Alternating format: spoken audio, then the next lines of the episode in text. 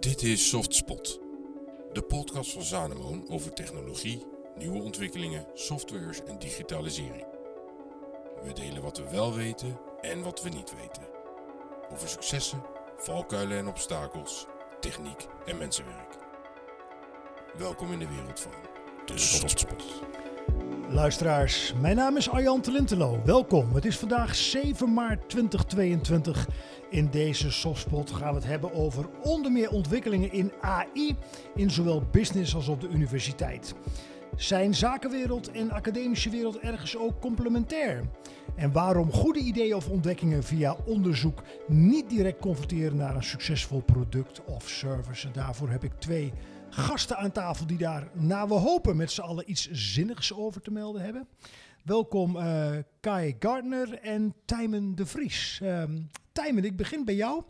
Um, CEO bij Keksu Robotics.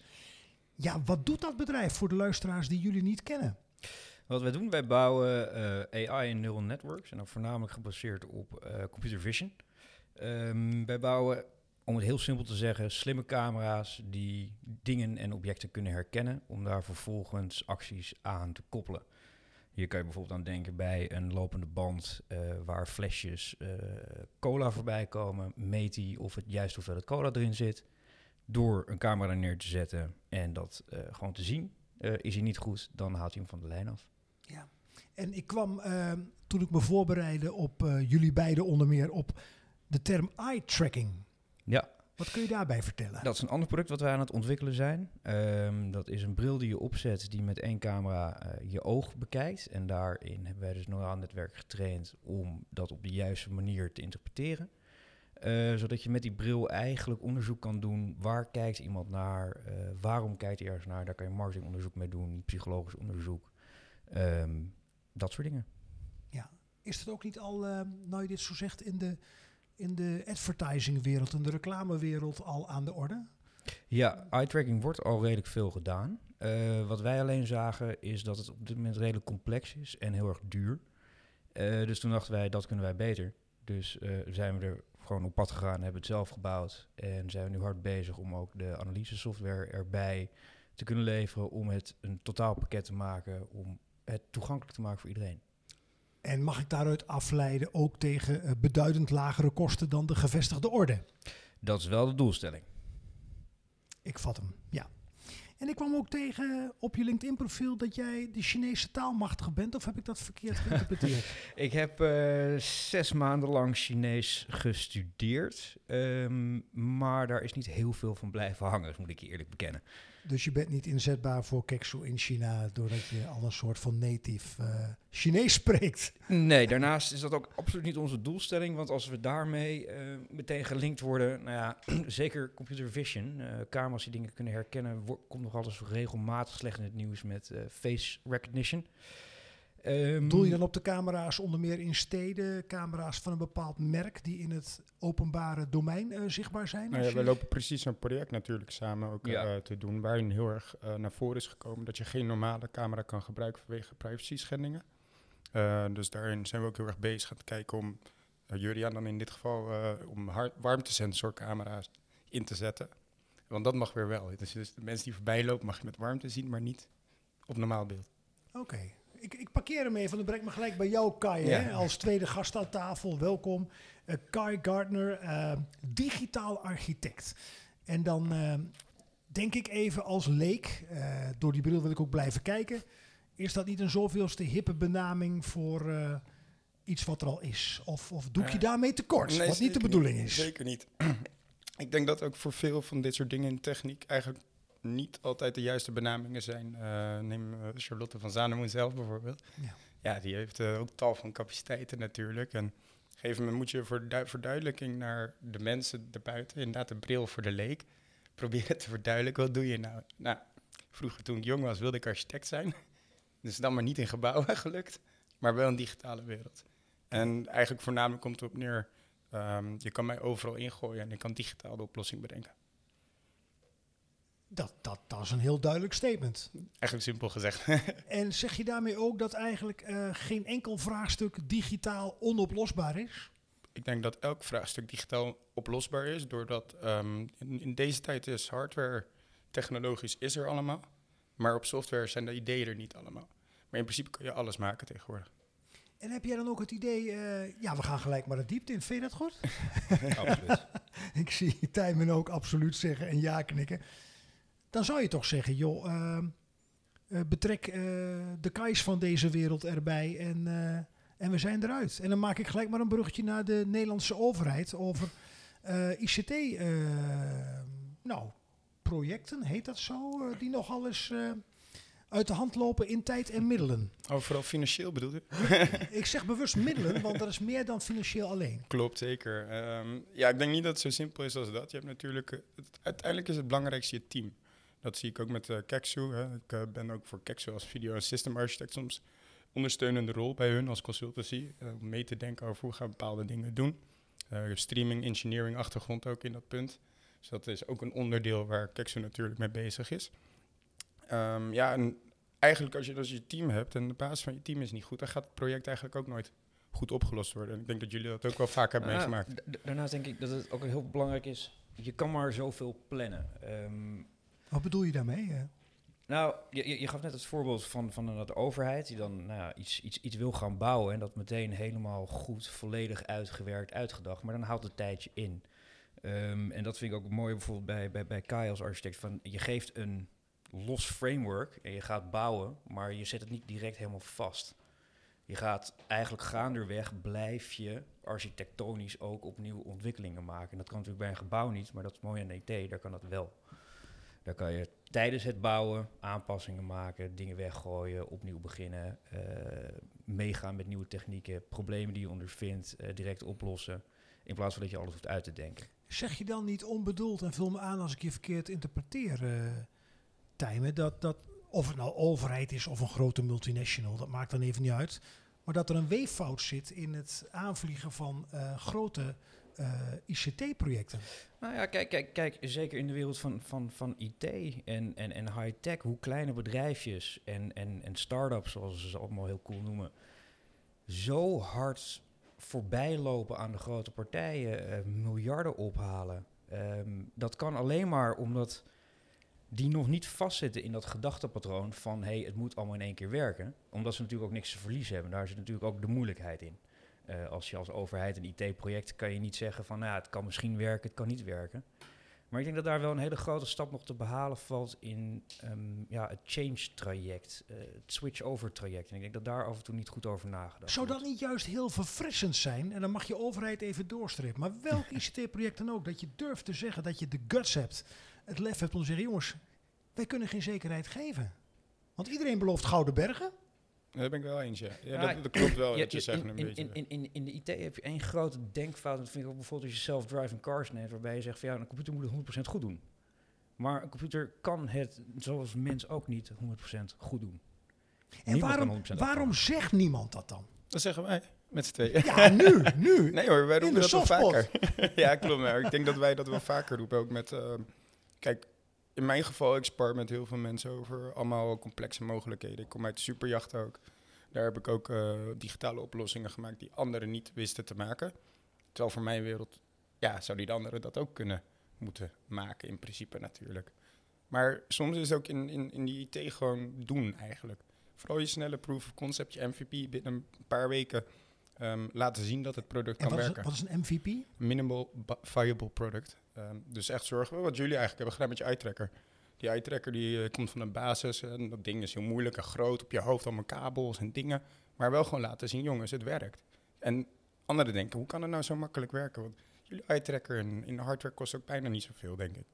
Nee. Volgens mij. Nee, het de, de, de hardware zijn de kosten niet, het zijn uiteindelijk de ontwikkelkosten. Maar als je dat gewoon zeg maar, op dit moment en niet met, uh, nou als je dit tien jaar geleden ging doen, dan was je... Er twee nullen bij. Duizend, ja, ja. Dan, kan, je er echt nullen bij gaan gooien. Klopt. Maar dat is een beetje met de techniek van, van, je kan niet zeven jaar vooruit plannen. Om even het voorbeeld van, wat was het nou over uh, de zoningregels in Nederland, dat daar zo'n heel project nog steeds niet klaar is. Ja, maakt niet heel veel uit, las ik ergens toevallig. Maar dat ze dus inderdaad al zeven jaar ermee bezig waren en nog steeds niet gelanceerd hadden. Ja, dan denk ik, ja, in zeven jaar dat, dat, dat Gaming is daar een goed onderdeel voor. De gaming-industrie die, die, die start soms een game op met het ontwikkelen van een game. Hè? Bijvoorbeeld voor PlayStation 5 of iets dergelijks. Niet of we geen reclame mogen maken.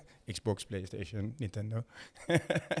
maar uh, in dat geval, uh, zeg maar, die mensen die ontwikkelen die game voor een platform. En op dat moment, eigenlijk de tijd gaat zo snel vooruit en de technologie verandert zo snel dat die game op de hedendaagse technologie eigenlijk super smooth draait. Maar ze doen er tien jaar over. dus dan denk je, ja, hoe kan dat nou? Ze proberen dus een game vooruit te ontwikkelen. En dan soms lopen ze in de valkuil dat dan toch de hardware niet goed, goed genoeg is. Ja, hou die even vast, Kai. Want Tijmen, jij had het uh, zojuist over change. Hè? Wat zei je ook alweer? Oh, dat change zo moeilijk is. Ik weet niet of je nog kunt herinneren. Ja. Um, dit, dit zijn geluiden die hoor je overal. Hoe zie jij dan als, als, als, als professional waar wijd je dan aan dat die aanpak, die organisatorische aanpak, blijkbaar nog steeds is zoals die in het Fred Flintstone-tijdperk uh, gedaan werd? Zo, daar vraag je me wat. Um... En ik bedoel daarmee dat geloof in maakbaarheid. Je, ja, moet, je nou, moet een project helemaal uitkristalliseren met deadlines. En dit moet het product zijn. Terwijl Kai mooi opmerkt, en jij ook, die wereld gaat zo snel. Dat is eigenlijk ondoenlijk. Ik denk, en, en nou, voor de uitzending hadden we daar even over, over budgetten die heel vaak vanuit uh, overheden worden neergelegd. Van nou, dit is het budget, daarvoor moet je het doen. Maar er wordt niet gekeken van, hé, hey, misschien is dit gewoon een continu proces. En moeten we niet denken van, hé, hey, dit moet af kunnen binnen 50 miljoen. Maar van, hé, hey, dit is iets waar we gewoon jaarlijks x bedrag voor moeten gaan uittrekken. En dit moet continu blijven worden doorontwikkeld. Daar ben ik wel denk ik met je eens. Die, ik weet niet of dat precies zo werkt. Ja, ik heb dat wel eens maar met klanten. Met, met, met, veel klanten die hebben gewoon van, nou, ik wil deze app, ik heb dit budget, ga maar maken. En dan zeg je, ja, dat is allemaal leuk en aardig, maar, maar liever dit in een maand. af is, dan is hij misschien een jaar goed. En dan moet je toch weer dingen gaan doen. Zo, zo, zo moet je IT en dat soort ontwikkelingen niet zien als een, we gaan het doen, het is af, het is klaar, bordje, alsjeblieft. Heb je dan ook het gevoel, of jullie, ik stel hem aan jullie alle tweede vraag, dat en dat heeft in mijn beleving niet met, met leeftijd te maken, maar meer met ben je bereid om breed te blijven kijken hè? Hm. En, en ontwikkelingen te volgen. Hebben jullie dan het idee dat op beslisniveau, uh, ik zoek even naar de goede woorden, men gewoon veel te nauw denkt? Snap je nou, wat ik angstcultuur bedoel? meer. Angstcultuur? Ja, zeker weten. Het moet werken. Ze zijn bang dat het niet werkt. En, en als voorbeeld nearshoring en dergelijke. Mensen zijn bang daarvoor. Terwijl eigenlijk die mensen hebben dezelfde capaciteit als de mensen in Nederland over denken van technologie, maar ze zijn bang om het uit handen te geven. Uh, merk ik kom, vaak. Waar komt dat door volgens jou, Kai? Nou, ja, we die leven angst voor nearshoring bijvoorbeeld? Nou, die angst voor nearshoring weet ik nog misschien niet, daar kan ik nu niet 1, 2, 3 even snel op uh, komen, maar wel een goed voorbeeld is als we kijken naar hoe development in de afgelopen 10 tot 15 jaar veranderd is van um, op de zolderkamer kon je voor zeg maar 1000 euro kon je van alles voor elkaar krijgen bij mensen, die echt letterlijk. Terwijl diezelfde uh, technologie bijvoorbeeld nu, of het kost minder omdat het er allemaal al is, of we gaan nog even stappen vooruit en steeds complexer. En zodoende gaan we nu binnen, denk ik, nu in de vijf tot tien jaar naar een situatie dat er soms gewoon heel moeilijk wordt om online een business te gaan starten. Omdat allemaal van die technologieën er al zijn. Jongens als Kexo, die bouwen binnen een jaar, wat is het, twee jaar een eye-tracker. Vroeger deden er 10 tot 15 jaar over. Als voorbeeld. En ik denk dat daar meer die, die, die ja, angst, nou, ik, ik, ik, ik, ben ik denk niet helemaal met je eens. Ik, ik, ik denk dat er juist veel meer mogelijk gaat zijn. Omdat heel veel moeilijke dingen steeds meer toegankelijk worden. Ja, de moeilijke dingen. daarin zie je ook wel dat... Nou ja, de enige reden dat wij dit op dit moment kunnen doen... Uh, Juliaan, mijn compagnon in, uh, in, in Keksu... Nou, die heeft nu bijna zijn PhD in AI. En een briljante man is het. Maar dat heb je wel nodig om deze stappen tegenwoordig te kunnen maken. Zeg maar, om, om net dat stukje extra verder te gaan. De techniek wordt steeds ingewikkelder. Steeds moeilijker. Eigenlijk liggen we op één lijn. Je noemt het dan de moeilijke dingen worden makkelijker. Dat ben ik met je eens. Maar het wordt niet meer makkelijk om iets op te bouwen, omdat de moeilijke dingen alweer door partijen zoals jullie of mij of Zanemoen of wie dan ook al deels in de markt zijn. Nou, het, het, wordt heel erg makkelijk om generieke dingen te gaan maken, maar om echt unieke nieuwe stappen in de techniek te maken, dat, dat wordt gewoon echt voor, voor een paar elite weggelegd. en dat, dat is wel jammer. Ja, dat is zeker jammer. Maar ja, dat hou je niet tegen. Ja, en, en je hebt het daar dan over. Ik, ik probeer me daar een voorstelling eh, van te maken. Um, die, die, wat je dan elite noemt, praat je dan over een paar uh, grote techreuzen die er nu ook al zijn, of doe je op iets anders? Um, nou ja, bij, nou, het, probleem is dat, dat uh, talent kost geld. eh, zeker ook nog eh, geleerd talent. Eh, dus als jij inderdaad de professoren, de PhD's eh, bij jou in dienst wil hebben om voor jou iets te maken, dat kost je gewoon klauwen met geld. Dus dan wordt dat heel erg moeilijk eh, voor kleinere bedrijven om daarin mee te kunnen blijven gaan. Ehm, om maar een voorbeeld te noemen, eh, volgens mij zijn ze nu bij de. Dat is mijn compagnon Julian, die wil een eigen neural network processor bouwen. Nou, dat doe je niet even. Neem me mee, wat is dat in hemelsnaam? Voor de kijkers. Luisteraars bedoel ik. Dat kan Kai denk ik beter uitleggen. Vertel, Kai. Een neural network processor. ja, die Juriaan die heeft soms echt ideeën. Ik ken deze man dus al, eh, hoe lang denk ik Juriaan ken? Al acht jaar of zo. Zoiets. En nu was hij allemaal bezig met AI. En volgens mij Juriaans doel is gewoon dat AI voor hem alles regelt ongeveer. Want Juriaan is een mooie man. Die eh, zit ook in een gesprek soms gewoon even een minuutje stil. En dat je denkt, waar gaat je eigen neural network naartoe? Hè? en volgens mij wil hij dat een beetje meer erin brengen. Zorgen dat zo'n systeem in de basis... ehm, ja, hoe het beste uit te leggen is eh, met een beetje blokelementen. Dus het is een systeem, dat is een neural network en doet AI en doet dingen. Maar het is heel makkelijk om daar, voor- even simpel gezegd, formules in los te kunnen laten. Dus dat zijn blokjes om te zorgen dat al die blokjes gezamenlijk kunnen samenwerken. En sowieso met AI en dat soort dingen. Bij jullie ook met je eye-tracker. En vanuit daar ga je dan op een gegeven moment verder door en door en door. En dan gegeven moment, ja, zijn wij overbodig. Oké. Want binnen een paar jaar gaat er computers gaan programmeren. Hè? Dat, dat wij niet meer. Niemand. Ja, nee, we, we- je, je zegt het in een bijzinnetje, Kai, maar je zegt binnen een paar jaar zijn we overbodig. Dat brengt me op. De link naar onderwijs ga ik zo meteen nog ietsje verder uitdiepen. Nu wordt er nog steeds opgeleid, wordt wel gezegd, voor banen die eh, over tien jaar Oh, overbodig zijn. Hier wilde ik eigenlijk net even over beginnen inderdaad. Want het is gewoon zo erg. Als je, als je een stagiair binnenkrijgt vanaf een mbo bijvoorbeeld. Hè. Ik vind mbo-studenten, die moeten ook een kans krijgen. Ehm, en het is echt best erg. We komen op beroepen. Gaan ze leren op school. Komen ze bij mij stage lopen of bij Keksen of bij Sanoen of bij wie dan ook. En het eerste wat ze zeggen, nou ik heb dit allemaal niet geleerd hoor. En dan kijk je ze aan, huh? je komt toch van een school waar je richting IT en ICT en gewoon net kennis als mij, Juriaan of Tijmen of Charlotte zou moeten ontwikkelen. Maar wat blijkt nou? Die, die leerstof van die scholen loopt gewoon achter. Dus die mensen leren in twee, drie maanden tijd binnen een organisatie meer dan dat ze doen in drie jaar op sommige scholen. En daar is ook een probleem. Want die mensen kunnen dus vanuit school eigenlijk helemaal niet in de praktijk meedraaien. En heb jij het idee, want je brengt het eh, duidelijk, dank daarvoor. Eh, dat, dat, is daar nu gehoor voor binnen onderwijs dat dat moet veranderen? Nou, we komen daar in een ander probleem. Want volgens mij hebben we in Nederland hebben we een wet omtrent dat iedereen recht heeft op hetzelfde soort onderwijs. Dat betekent dus dat niemand mag we- geweigerd worden voor een opleiding waar ze graag naartoe willen, tenzij die opleiding vol is. Dus op het moment dat we opleidingen hebben waar geen beroepenkeuze in zijn, dus in dit geval bijvoorbeeld opleidingen waar je niet zoveel leert uiteindelijk, dan moet je wel die student aannemen. Want die heeft recht om die opleiding te doen. Snap je een beetje? Dan heb je dus eigenlijk het visuele cirkeltje. Wel de student met de opleiding, want hij heeft recht daarop. Maar in de praktijk kan die dus niet aan de slag bij Keksu of bij mij of ergens anders. Ja, dat, dat betekent dat we een hele flinke uitdaging hebben. En ik denk dat ik me mild uitdruk. Ja, niet lullig bedoeld, maar ik heb dit zelf meegemaakt dat een school probeerde toen ik 17 was mij op school te houden. Niet om dat mij de kans te geven om iets te leren, maar de kans te geven om hun zak te blijven vullen. Associeer er eens op door. Nou ja, kijk, op het moment dat ik op school zeg, ik zeg ja, deze opleiding vind ik goed, maar er zitten in de klas mensen die, ja, hoe moet ik het zeggen, die zitten daar omdat ze het maar moeten. Dan ehm, krijg je zeg maar in zo'n klas een gegeven moment dat de klas werkt niet. Dus leraren die willen die klas geen les meer geven omdat ze druk zijn of wat dan ook, hè. Dus wat ehm, gebeurt er? Dan, dan ja, ik, ik hou daar niet van. Ik ga na een half jaar daarvan af. en dan krijg je zo'n decaan. Ja, moet je niet dit doen? Moet je niet dat doen? Terwijl ik dan tegen die decaan zeg, moet je niet eens een keer gaan uitvogelen wat ik echt wil doen.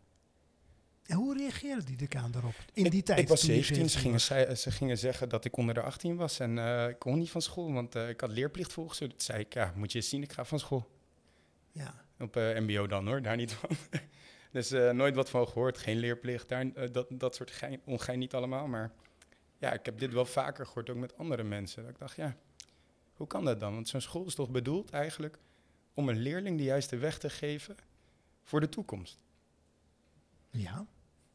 Ja. Nou, als, als, als ik daarop zou mogen. In, Ik moest er even over nadenken, want ik vond het wel echt een, een, een, een mooie vraag inderdaad. Van, van hoe het onderwijs en het aansluiten ervan. Zelf heb ik eh, twee jaar op het HBO eh, gezeten. Daarna ben ik naar de WO gegaan. Daar zag ik zo'n enorm verschil in dat... Op het WO leer je eigenlijk niks doen. Leer je nadenken. Of eh, een aantal theorieën. Eh, op het HBO aan de andere kant, eh, in ieder geval in mijn ervaring, was het... Nou ja, hier heb je een, ehm, een lijst met dingen die je moet doen. Ga maar doen, ga maar uitvoeren. Eh, aan de hand van nou ja, dit, dit structuurtje. En daar zou eigenlijk een, een, een middenweg in moeten zijn. Dat je, dat je op de universiteit ook dingen leert doen. Want dat heb ik daar nooit echt geleerd. Ik hoef ook niet iemand in te huren van de universiteit die net klaar is en nooit praktijkervaring heeft gedaan. Nee, precies, maar je Hoef komt er niet. vanaf. Je, je, je hebt geen praktijkervaring. En dan is het zo van, ja, oké, je hoeft niet per se praktijkervaring. Maar bijvoorbeeld bij, bij programmeurs, de beste programmeurs zijn de mensen die vanaf hun twaalfde, vanaf hun achtste, al zelf er gewoon mee bezig zijn, ermee bezig zijn, ermee bezig zijn. Eh, de beste marketingmensen zijn de mensen die zelf een websiteje hebben opgezet tijdens hun, eh, een, een school, een eigen, webs een eigen webshopje.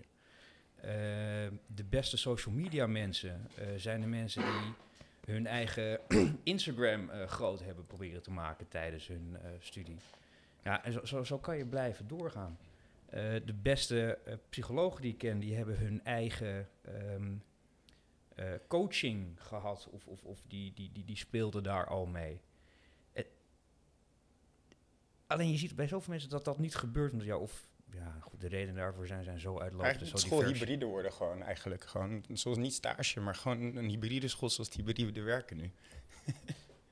Ja, het, het, Of, het- of ja, zoiets. Nou, ik zie wel een mooie ontwikkeling. Eh, we zitten nu in Deventer bij Zannemoon, maar een hogeschool in het oosten van het land, Saxion, biedt nu een tweejarige, nou, tegen HBO zit hij aan, eh, eh, opleiding aan. Dat is nieuw, dat is een experiment, eh, eh, richting ICT, development. En de formule is eigenlijk heel simpel. Ook het motief voor veel studenten om eraan deel te nemen. Je zit tussen 9 en 5 op school, alsof je in een echt bedrijf zit. En je hebt geen huiswerk s'avonds. En er worden mensen zoals jullie ingevlogen uit de echte praktijk om daar les te geven, te koppelen aan theorie. Ja, exact, ja. En dat is een schot in de roos. ja dat, dat geloof ik bijna wel. Dus ja, gelukkig, laten we positief zijn, dat er wel een beetje beweging is. Maar het is wel bijzonder dat het in dit geval een, lokale, een lokaal initiatief is van Saxion Hogeschool. Een heel mooi initiatief overigens. Zeker. Ja, Nou, ik, ik, ik- ik denk ook zeker dat er op het gebied van hogescholen veel meer ontwikkeling is eh, op, op, op dit gebied. Want die hebben iets meer vrijheid. En vind ik het toch jammer dat inderdaad WO nog altijd gezien wordt van... nou, ik wil liever dat mijn kind naar de universiteit gaat dan naar de hogeschool.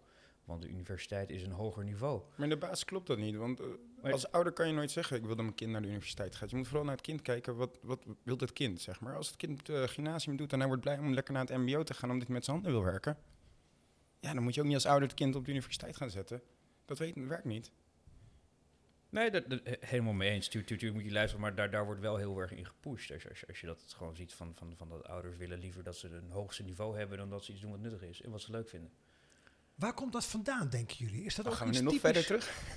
Nee, maar ik bedoel, is dat iets typisch Nederlands? Want je hoeft de kranten maar te lezen en je hoeft maar mensen te spreken in het onderwijsveld. Dan hoef je de woorden mondige ouder maar te noemen, als je snapt wat ik bedoel. Ja, kijk, het is, het is natuurlijk gewoon een, een zeer logisch gevolg van, van, van, van je kinderen de beste kans willen bieden. En daarin dan denken, als ze het hoogste niveau hebben, kunnen ze ook altijd nog de dingen die eronder liggen doen. Nou, ben ik niet helemaal met je eens, denk ik. Nee, maar dat de beweegreden om daar naartoe te pushen. Ja, zo, ja, oké. Maar Eh, is het ook niet deels zeg maar, van de wederopbouw na de Tweede Wereldoorlog om te zorgen dat wij mensen... Ja, het gaat heel ver dit hoor, deze dingen. Nou. Kijk, na de Tweede Wereldoorlog en daarvoor, eh, in de tijd van de industriële revolutie, had je machines die moesten door mensen bediend worden. Zeg maar, die mensen, die moet je dus ontwikkelen, die moet je maken, net zoals je machines moet maken. niet lullig bedoeld of zo, maar ons doel was dus zorgen dat onze machines draaien. Dus we moesten mensen creëren. Ja, en- die mensen die moesten gegeven slimmer worden. Want ja, we hebben ook managementlagen nodig. We hebben directeurs nodig. We hebben dit nodig, we hebben dat nodig. Oké, hoe, hoe kan het überhaupt dat wij als ouder... Ik heb een kind van tien, hè, en ik denk dus niet... Jij weet dat kind maar ik denk niet op die manier. Dus hoe kan het dat wel 80% van de bevolking denkt van... Ik moet mijn kind op heel hoog onderwijs krijgen. En er bijna alles voor doet. Er zijn verhalen dat mensen gewoon echt letterlijk cijfers en leraren, eh decanen proberen om te kopen en weet ik veel wat allemaal. Dan Maar waarom? Omdat ik denk dat er gewoon bij heel veel mensen nog steeds natuurlijk in zit dat eh, hè, word advocaat, word dokter, wordt eh, nou ja, een van de standaardberoepen waarbij je de zekerheid hebt en de stabiliteit. Maar, maar wat is zekerheid en stabiliteit als je in deze wereld kijkt? Een, een werkgever is nooit zekerheid en stabiliteit. Oh, je, je hoeft deze discussie met mij niet aan te gaan. Maar het is misschien ik- mooi ik voor de luisteraars. Eh, ik, ik, ik, ik ben het in die zin met je eens. Ehm, maar als je gewoon kijkt naar, naar hoe dat in elkaar zit en wa- wa- wat je dan hoort, denk ik dat dat er gewoon nog bij heel veel mensen heel erg in zit. En dat er niet inderdaad wordt gekeken naar ja, wat uite- uiteindelijk iemand leuk vindt om te doen. Waar, waarmee kan iemand andere mensen helpen? Wat vindt het kind leuk om te doen? Ehm, en hoe kan je dat dan het beste aanpakken? In plaats van, nou ja, sorry ik het zeg, maar de universiteit is voor mij, ik heb dan ook wel bedrijfskunde gedaan, dus dat was ook allemaal niet heel spannend. Ik had ook natuurkunde gaan doen. Maar het was zo globaal. Het was zo, ja, je komt eraf en je denkt van, ja, wat gaan we nu doen? Oké, ja, dus nu... bij KPMG gaan werken. Ja, exact. Dat, dat deed 90% volgens mij van de, ja, one of the big four. Maar ik vind het achteraf er, er- ergens wel jammer dat ik nooit zeg maar, meer, meer praktische dingen heb gedaan. Ik programmeer vind ik Exact, ja. zelf Dus, dus als we nu teruggaan naar het basisonderwijs... Sorry, ik neem je rol over. Ik grijp vanzelf in als het niet goed gaat, oké. Don't worry. In, in het basisonderwijs, als voorbeeld, eh, ik ben er ook mee bezig geweest. En eh, waar, mijn doelstelling was dan eigenlijk... Klassikaal onderwijs eh, is goed, maar individueel klassikaal onderwijs werkt beter. Dat is een beetje gek, individueel klassikaal onderwijs. Hoe zou dat moeten werken? Maar dan kom je eens kijken naar wat jij zegt, met de WO en iedereen gaat dan naar KPMG of weet ik veel wat allemaal. Ehm, ja, dat is gewoon het riedeltje, zeg maar. Als één schaap over de dam is, gaat de rest toch bijna, eh, simpel gezegd. En ook het, onderwijsgebied heb je daar natuurlijk in dat iedereen krijgt dezelfde type onderwijs. In principe. Op basisonderwijs wordt jou hetzelfde geleerd als mij. Iedereen is daar nog dat, dat kneedbare balletje eh, deeg eigenlijk. En daar gaat voor mij, niet, niet dat misgaat hoor, maar daar kan wel denk ik iets meer al bekeken worden wat beter bij dat kind past. Denk ik. Nee, helder. En je hoort er langzaam maar zeker meer geluiden over. Ehm dus nu dan wil ik jullie ook een hele andere vraag stellen. En die mag je naar eigen inzicht beantwoorden. Ik begin bij jou, Tijmen. Wie zou jij graag willen ontmoeten? Hoeft niet per se zakelijk te zijn, mag ook privé zijn. Wie zou ik graag willen ontmoeten? Ja, Ehm, ja, heel veel mensen eigenlijk. Ehm, je mag er één kiezen. Ik mag er maar één kiezen. Ja, dan ga ik toch een heel standaard antwoord geven, denk ik. En dat is eh, Elon Musk op dit moment. En waarom Elon Musk? Omdat ik heel benieuwd ben wat zijn gedachtegang is achter alles wat hij doet en zegt. Het doorgronden dus van... Ja, als je, als, je- als, als, als je interviews met hem ziet of, of überhaupt de bedrijven die hij op eh, heeft gezet en waar hij nu mee bezig is. Ja, zou ik gewoon heel graag een keer gewoon een, een, een filosofisch gesprek met die man willen hebben. Om gewoon te kijken van waarom doet hij nou wat hij doet? Wat, wat, wat zit erachter? Hoe, hoe komt hij op de antwoorden? Wat zijn zijn drijfveren? Ja, Leuk, leuk. Nou, ik zou zeggen, schrijf hem. ja nee, dat, dat, dat staat ergens op mijn to-do-list. Oké. en jij, Kai, een andere vraag. Eh, welke beslissingen, als die er zijn, vind je moeilijk om te nemen? Geen enkele. Geen enkele. Nee. Het klinkt vol overtuiging. Ja, dus het is eh, heel lullig om te zeggen eigenlijk bijna, want het is bijna emotie, emotieloos. en, eh, Zo komt hij niet over hoor. Nee, maar het is wel emotieloos bijna, omdat een, een, een situatie in het leven, die overkomt je en dan zou een beslissing moeten maken nooit een probleem zijn. Vertel daar eens iets meer bij. Die wil ik even laten landen. Oké, ehm, we, noemen mij dig- digitaal architect, maar eigenlijk ben ik solution architect in de basis daarvoor. Solution architect betekent dus dat voor elke oplossing architecturisch het probleem opgelost wordt, zeg maar. En dat is hoe ik denk, hoe ik leef, hoe ik wakker wo- word. eh, ja, ik weet niet. Het is gewoon, dat is letterlijk wie ik ben.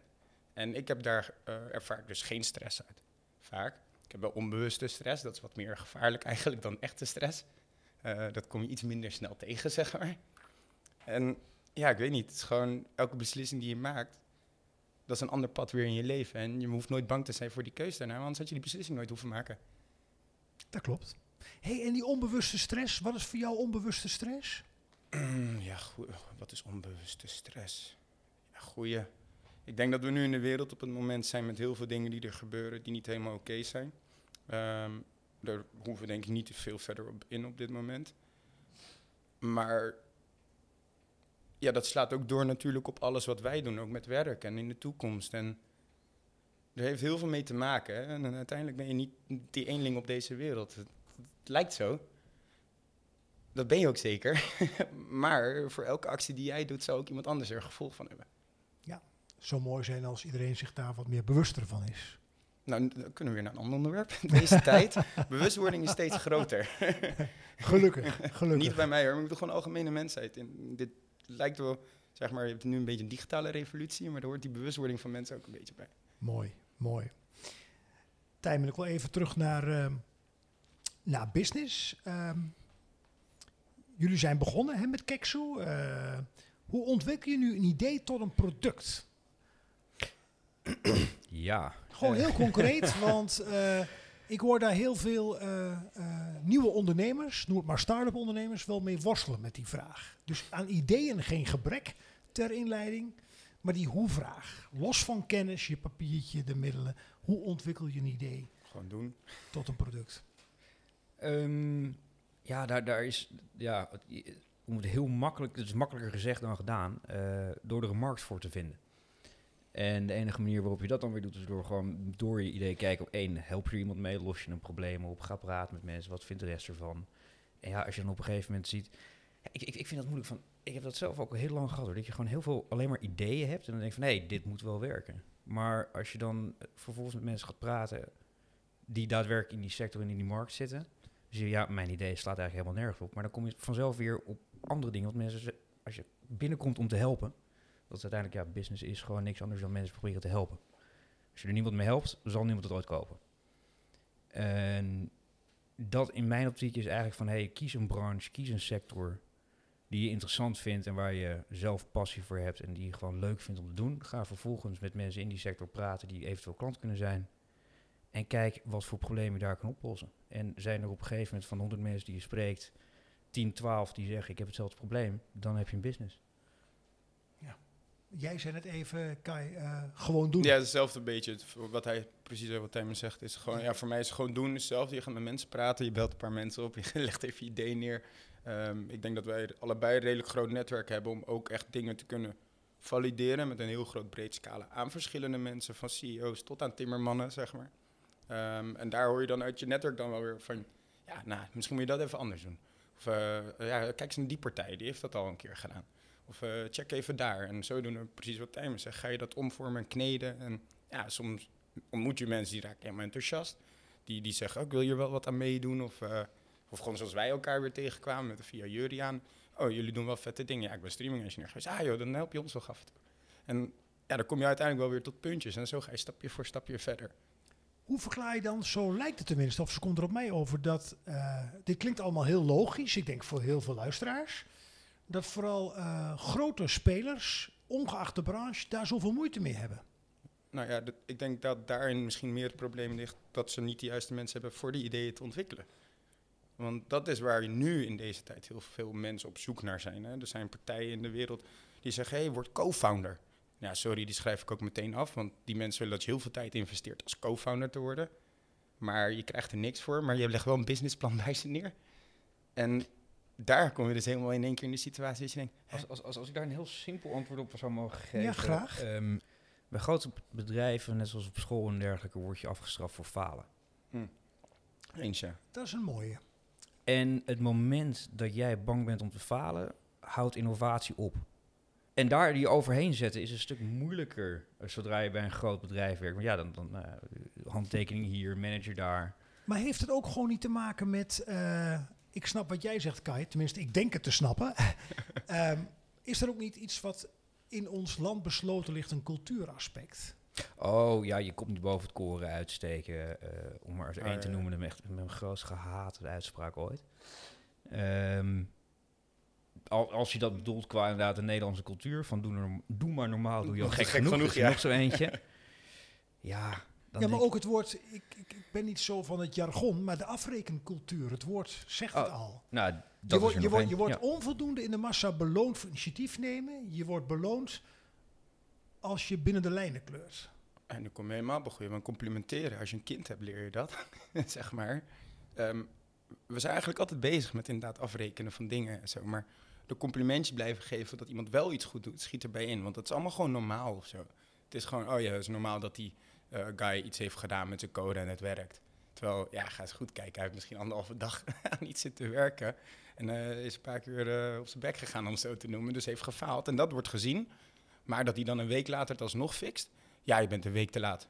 Nee, oh, wacht even. Deze man heeft het uiterste best gedaan om de zorg te dragen dat het wel ging werken. Ja. Dus we belonen eigenlijk het verkeerde gedrag. Ik zie jou even bedenkelijk kijken. Tenminste, zo komt er op me over. Tijmen. Ja, nou ja, kijk, het, het, het, je, je, hebt natuurlijk ook zeker in een groot bedrijf, waarbij je nummer één uh, target is altijd continuïteit. En dat, en dat snap ik, want dat is ook uiteindelijk weet je, het doel van ieder bedrijf is continuïteit. Dus je kan ook niet meer enorme risico's nemen. Dus het is, het, het, het, het, is een balans. Maar je hebt heel veel grote bedrijven, in ieder geval, waarbij ik denk, waarbij risico nemen compleet, inderdaad, wat je al zegt, daar word je gewoon direct op afgerekend, tenzij je succes hebt. Dan is het oké. maar stel je voor dat je faalt, of uh, iets gaat mis, ja. Puur, puur, puur als ik dit zou zeggen, dan denk ik al van zo, ik zou inderdaad maar bij zo'n groot bedrijf werken en ik doe iets en het lukt niet, zeg maar, dan zou ik echt meteen zeggen, oké, nu moet ik me verantwoorden tegen die manager, nu moet ik vervolgens in mijn rapport schrijven dat dit niet gewerkt heb, ik moet dit, ik moet zus. Dan denk ik ook van, ja, weet je wat, laat ik het dan maar niet doen. Laat ik dan maar gewoon safe spelen. Is dat dan ook niet een deel van de verklaring dat het voor grote bedrijven zo moeilijk is om mee te gaan in de huidige tijdgeest? Absoluut. Um, dus wat is dan het bestaansrecht? We hoeven maar naar de financiële wereld te kijken. Van bijvoorbeeld de banken zoals we die nu kennen. Stel, we spreken elkaar over vijf jaar weer aan deze tafel. Zo pakken we echt alle onderwerpen ja. bij. Hè? Maar wacht even, over die de financiële. dat is wel heel lang bezig, hè? Dat uh, de bankenwereld. Uh, nee, maar het mag in een paar minuten. Want we hebben het even over, ook voor de jongere luisteraars die vol ambitie aan een bedrijf willen beginnen. Hoe kun je van idee komen, want daarom heeft het er wel degelijk mee te maken, van idee tot een concreet product of dienst? Ja, eerst je team neerzetten. Lijkt mij dan, in, in, althans ik heb gemerkt dat mijn team is heel belangrijk. Mensen met wie ik kan sparren, met, met, met Keksu of met Sanemoon of met andere mensen. En, en, vanuit daar is voor mij meestal het begin. Ben ik wel mee eens. Van, van tenzij je zeg maar alles zelf in huis hebt, ehm, de rust die het je geeft, of in ieder geval gewoon, gewoon het idee van competentie, dat je een team om je heen hebt waar je gewoon eigenlijk alles mee kan oplossen. Um, in je eentje is het nooit leuk. Zorg ervoor dat je een goed, leuk team om je heen hebt en ga dan kijken wat je gaat doen. En durf te vragen. Ja, dat, dat, dat hoor ik uh, regelmatig, Kai. Uh, fijn dat jij het ook inbrengt. Maar het is niet zo makkelijk, denk ik, voor veel mensen. ja, en daar probeer ik dan weer de vinger achter te krijgen hoe dat dan komt. Want als je vraagt, wordt je slagkracht groter. Dat komt dus weer om het falen, denk ik. Zoals mijn moeder vroeger had zei, nee, heb je, ja, kan je krijgen. Dus, dat, ja. zei, dat zei mijn moeder ook altijd. Ja, maar waarom doen we dat dan met z'n allen niet? Wordt er niet uitgeslagen op een gegeven moment? Niet letterlijk.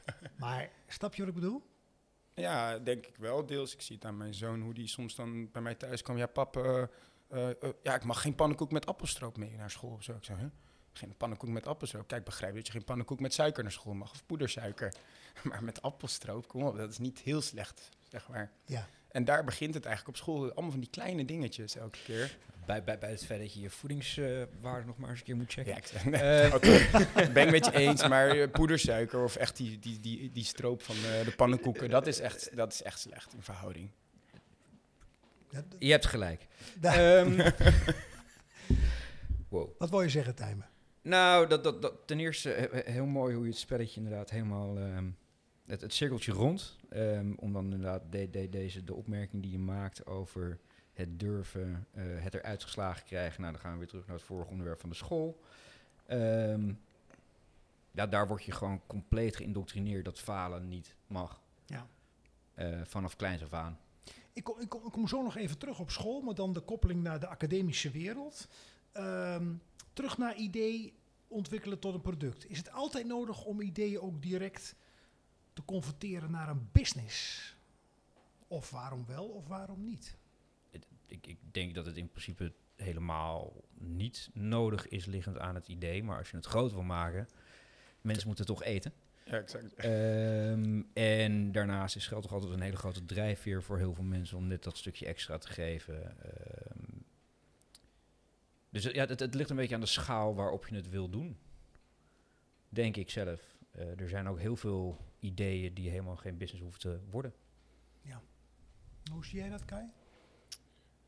Ik denk dat ik het wel eens ben met Tijmen Ja. eh, in dat punt. Ja. Kun je zo'n voorbeeld noemen, Tijmen, van een idee ehm, wat eigenlijk helemaal geen business zou hoeven te worden? Ja, zo, kijk, zo, zo zit ik niet in elkaar. Ehm, Tijmen zo van alles ik, business ik, maken. ja, Ik, ik zie gewoon- ook een gewoon- beetje de kortsluiting in je ogen. ja, ja, ja, ja, god weet je, dat is dan van, van, van, van je weet het niet hoeft, maar ja, als het kan, waarom zou je het niet doen? Want als je er, wat, om, om terug te vallen op, op, op, op iets wat ik eerder zei, van, van een, een business heeft alleen maar de bestaansrecht als je mensen ermee helpt. En hoe groter je business dan wordt, hoe meer mensen je mee kan helpen, dus waarom zou je dat niet doen? Maar vind je dan dat die grote partijen, zeg maar, die tussen de metaverse leven, zodat die mensen helpen? Blijkbaar helpen ze iemand, want anders... Het sociale gedragontwikkeling of zo, ik weet het niet. Maar eigenlijk helpen ze niet, want er, er is heel veel leed door dat soort partijen. Heel veel fake nieuws. Nou ja, eh, om in, in, in, in alle eerlijkheid, ik, ik, laat weer zo'n zo'n AR-app. Ik zou het prachtig vinden om, eh, zeg maar, als ik eh, kleren wil gaan kopen of weet ik iets, doe ik op dit moment niet online. Maar als ik online een winkel kan binnenlopen, dat van alle kanten kan zien, 3D, zou mij helpen. Ja, dat ben ik misschien wel met je in dat deel, maar over hoe... Er zijn veel partijen die niet helpen. Ik bedoel, het hele online handelen met futures op crypto en zo. Mensen duizenden euro's uit... Oh, laten we daar niet over beginnen inderdaad, over überhaupt de, verkrektheid van de huidige vorm van aandelenmarkt en handel. Maar eh, zelfs die helpen iemand, want dat zijn mensen die alleen maar uit zijn om geld te verdienen. Mm, ja, die maar er zijn mensen in deze wereld die daadwerkelijk zo arm zijn. Die hebben voor tienduizenden euro's geld geleend van andere mensen... omdat ze dachten dat ze sky high gingen met crypto. Maar die mensen zitten nu in de put. Ja, dus die helpen dat, niet. dat jij kan liegen over dat iets jou gaat helpen, is helaas ook waar. Ja. Voor sommige mensen waarschijnlijk dan. Nee, we, we kunnen elkaar allemaal volgen. eh, voor beide kanten. Dat vind ik het mooie aan jullie als gast aan tafel valt iets te zeggen. Want als je hem helemaal plat slaat. eh, als het in een behoefte voorziet, los van de morele kant, Dat dat, hoor ik jou zeggen, ja, dan is daar business voor.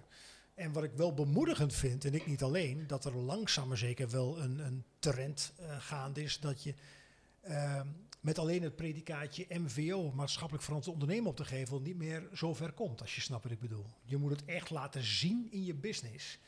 En eh, dat gaat langzaam, maar wel gestaag. Dat je, eh, of het nou over voeding gaat, of over crypto, of over banken, welke business dan ook, dat je wel veel meer eh, beoordeeld wordt, ik zeg bewust beoordeeld, op de kwaliteit die je levert en je toegevoegde waarde. En als ik die zie, ben ik bereid ervoor te betalen. Ja, zo simpel is het. Of het nou duurder is of niet dan. Ja, dat maakt dan inderdaad ook niet Ja. uit. Nog even een persoonlijke vraag. Kai, ik begin bij jou. Ben jij gestructureerd of chaotisch? Allebei. maar meer chaotisch, denk ik. Ja, denk je het of weet je het? Nou, Als je ik- eerlijk kijkt naar jezelf. Meer chaotisch, maar dat, dat is ook het hele punt waarvoor ik zeg dat, dat een team belangrijk is. In, in mijn geval bijvoorbeeld. eh, is voor mij dat heel belangrijk, omdat de mensen mij kunnen mij temmen daardoor. Ehm, ik noem het ook wel eens dat ik dan een marionet ben met losse touwtjes. Eh, als je een goed team om je heen hebt, dan ja, denken ze altijd dat jij alles mag zeggen en beslissen. Omdat ja, soms heb je gewoon een ander standpunt. maar daarin zeg ik dan ook altijd, ja maar jongens, waarvoor denken jullie dat ik graag met jullie werk? Ik wil graag jullie input. Eh, en zodoende word ik vaak dan wat meer gestructureerd door het team, zeg maar. Mooi. Tijmen, jij, op wie ben je trots? Op wie ben ik trots? Ja, Ehm, ja, mijn moeder bijvoorbeeld. Maar eh, vanuit de zakelijke zin gezien, ehm, Juliaan, mijn, eh mijn, mijn compagnon erin, die, eh, die bouwt alles en ik kan hem drie kwart van de tijd niet volgen. Maar eh, daarmee kunnen we wel echt iets gaan toevoegen aan deze wereld. ik hoor ook in wat jullie zeggen doorklinken dat als je een mens bekijkt vanuit zijn of haar kwaliteiten, het is eigenlijk heel eenvoudig, dan kun je een gouden team bouwen. Ja. Kijk wel, ja. Ja. is niet zo Ik- simpel die, als die, dat. die, die, die, die vind ik wel heel zwart-wit. Ja, is het niet zo simpel als dat in principe uiteindelijk. Dan, dan, dan ga je het echt puur zien als een transactie. Zo bedoel ik hem niet overigens. Nee, oké. Nee, ik dan... bedoel meer ook vanuit onderwijs. Als je, eh, laat ik het op mezelf betrekken. eh, ik weet echt wel wat van de bedrijfseconomische kant van een bedrijf, maar zet je mij de hele dag tussen de cijfers, dan kan ik best een half jaar doen. Maar daarna krijg ik zoveel negatieve energie dat ik er ook stress van krijg. Omdat daar mijn hart niet Ah, ligt. ja, ja, In die context eh, bedoel ik hem. I- iedereen heeft zijn passie en iedereen krijgt energie van iets anders. En als je, als je- als je die bij elkaar weet te gooien, dat je samen, weet je, ook door de, door de zware tijden heen kan, omdat je elkaar daardoor doorheen kan trekken. Ja. Ehm, ja, dan heb je een goed team. Maar daarin is wel belangrijk, echt communicatie. Gewoon, want waar ik merkte is dat soms een team kan iemand niet helemaal lekker op zijn positie zitten. En dan Klopt. is het heel belangrijk om uit te vogelen, want vind het werk wel leuk wat je eigenlijk doet. Maar dat moet je nooit zo letterlijk zeggen. Op een gegeven moment kom je dan wel eens achter dat iemand graag net even een andere richting zou willen. Ehm, dezelfde positie, maar net even een spoor ernaast of zo. Of, Bijvoorbeeld. Of net even Ja. die ene dag zelf eh, zijn ideeën bijvoorbeeld ontplooien in samenwerking met de rest van het team. Ja. Dat zou ook kunnen. Hè? Dat- Heel open naar de toekomst toe, zeg maar, zeg ik altijd. Kijk het nog even naar jullie eh, business, eh, Kai en Tijmen. Waarbij ik ook de tijd in de gaten heb te houden, want eh, we kunnen nog heel veel bespreekbaar maken. En wie weet gaan we dat een andere keer nog eens doen.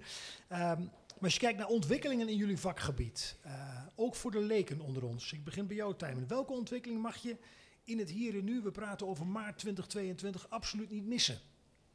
Zo, waar zullen we beginnen? Ehm, nou, ik, ik, ik, ik denk de belangrijkste, eh, zeker in onze markt, waar, waarbij dan gewoon eh, ja, AI voor, eh, voor camera's, dat is eigenlijk onze voornaamste markt, ehm, is de ontwikkeling die je eigenlijk niet mag missen, is die ontwikkeling. We zien bij, bij, bij, zoveel partijen waar ik binnenkom die geen idee hebben dat dit überhaupt bestaat, dat je tegenwoordig een camera kan gebruiken als zienend oog.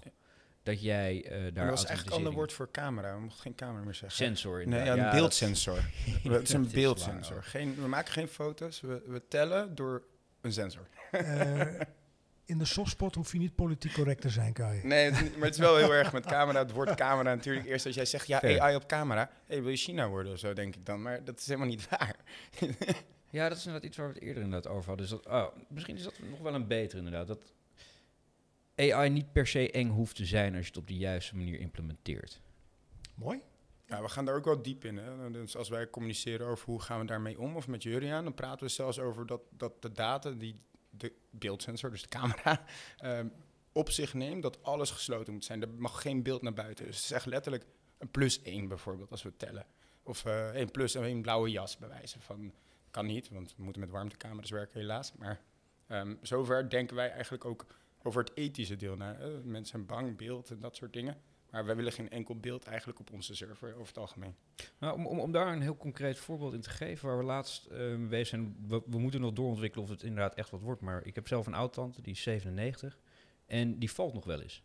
En toen hadden we het idee van, ja, wat nou als we daar gewoon een camera op hangen die kan detecteren of zij gevallen is. Nou, daar heb je natuurlijk heel veel vraagstukken. Wie wil die camera in zijn huis hebben?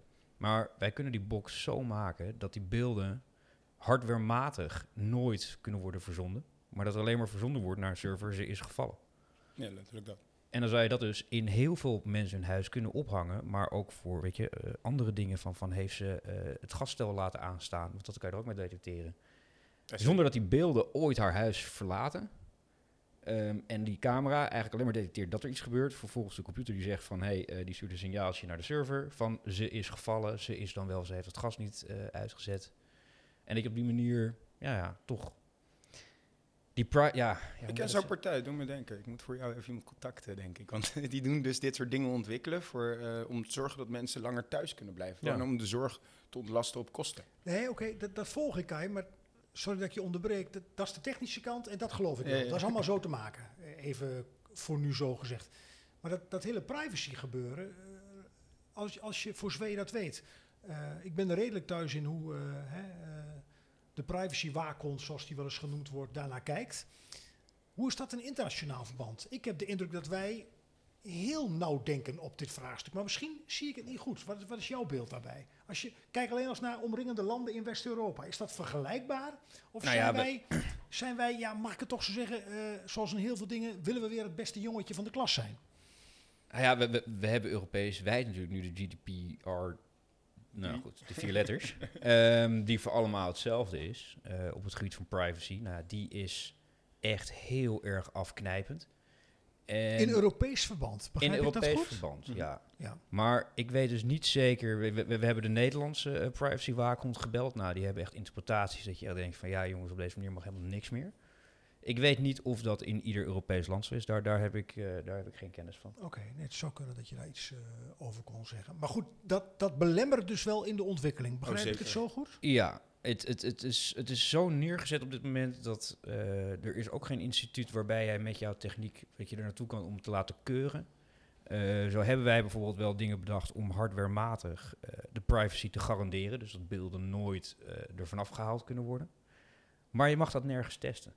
Maar, er is niemand die jou een stempel kan geven van oké, dit is privacy oké, dit is niet privacy oké. En dat houdt op dit moment heel veel initiatieven heel erg tegen. Nou, hebben we daar wel weer wegen omheen gevonden met, met, met hittecamera's. Maar ja, dat is ook weer net niet wat je wil. Want een hittecamera kan dan weer bijvoorbeeld geen objecten detecteren. Waar- Mis je dan experimenteerruimte? Nou, we kunnen experimenteren wat we willen. Ja, dat kan wel. Maar, maar regels implementatie... Nee, e- e- experimenteren, kan, kan je, weet je... dat- hoeveel regels we daar ook niet gebroken hebben. Eh, als we dat zouden implementeren, even de zaakjes. Hè? Ja, dat gaat erom inderdaad. Maar op het moment dat je het wil implementeren, dan krijg je te maken met eh, heel veel privacywetgeving met, op het gebied van camera's. Terwijl wij geen camera's plaatsen, maar sensoren in principe. Wij, wij zien de beelden nooit. Niemand ziet ooit de beelden. De computer interpreteert de beelden en haalt er bepaalde aspecten uit waarvan wij zeggen van, hé, hey, dit moet hij herkennen. En dat stuurt hij vervolgens naar eh, een server toe, maar nooit de beelden zelf. En daar hebben we ook geen toegang tot. Zeg maar, met, ook met Jur- Juriaan heb ik hier echt denk, uren over gesproken. Hoe gaan we dit doen? Ehm, het blijft een cameraatje op zo'n hardware ding. En security-wise wil het zo ver neerzetten dat ook technisch gezien voor de developers het niet meer leuk is. Ik heb zo het idee dat eh, deze softspot eh, beluisterenswaardig is. Ik weet niet of het een goed... eh, nee, luisterwaardig is het Nederlandse woord voor Aleid Wolfson en zijn mensen die daar ja, toch wel iets over mogen zeggen. Maar ik moet hem ook beëindigen, gewaardeerde gasten aan tafel. Ehm, Kai Gardner en Tijmen de Vries. Ehm, Kai, in, in twee, drie woorden aangegeven. Wat, wat wil je onze luisteraars nog meegeven? ja, goeie. Check eh, de toekomst en eh, vooral ideeën opbrengen in je hoofd. En vooral met mensen erover praten. Oké, en jij Tijmen? Kijk hoe je mensen kan helpen. Hartstikke goed. Nou, dat hoor ik wel als drijvende krachten in jullie eh, vlammende betogen bij Tijd en Weilen. Dank jullie wel voor jullie bijdrage aan deze Softspot. Dank voor het luisteren en ik sluit af met de woorden tot de volgende Softspot.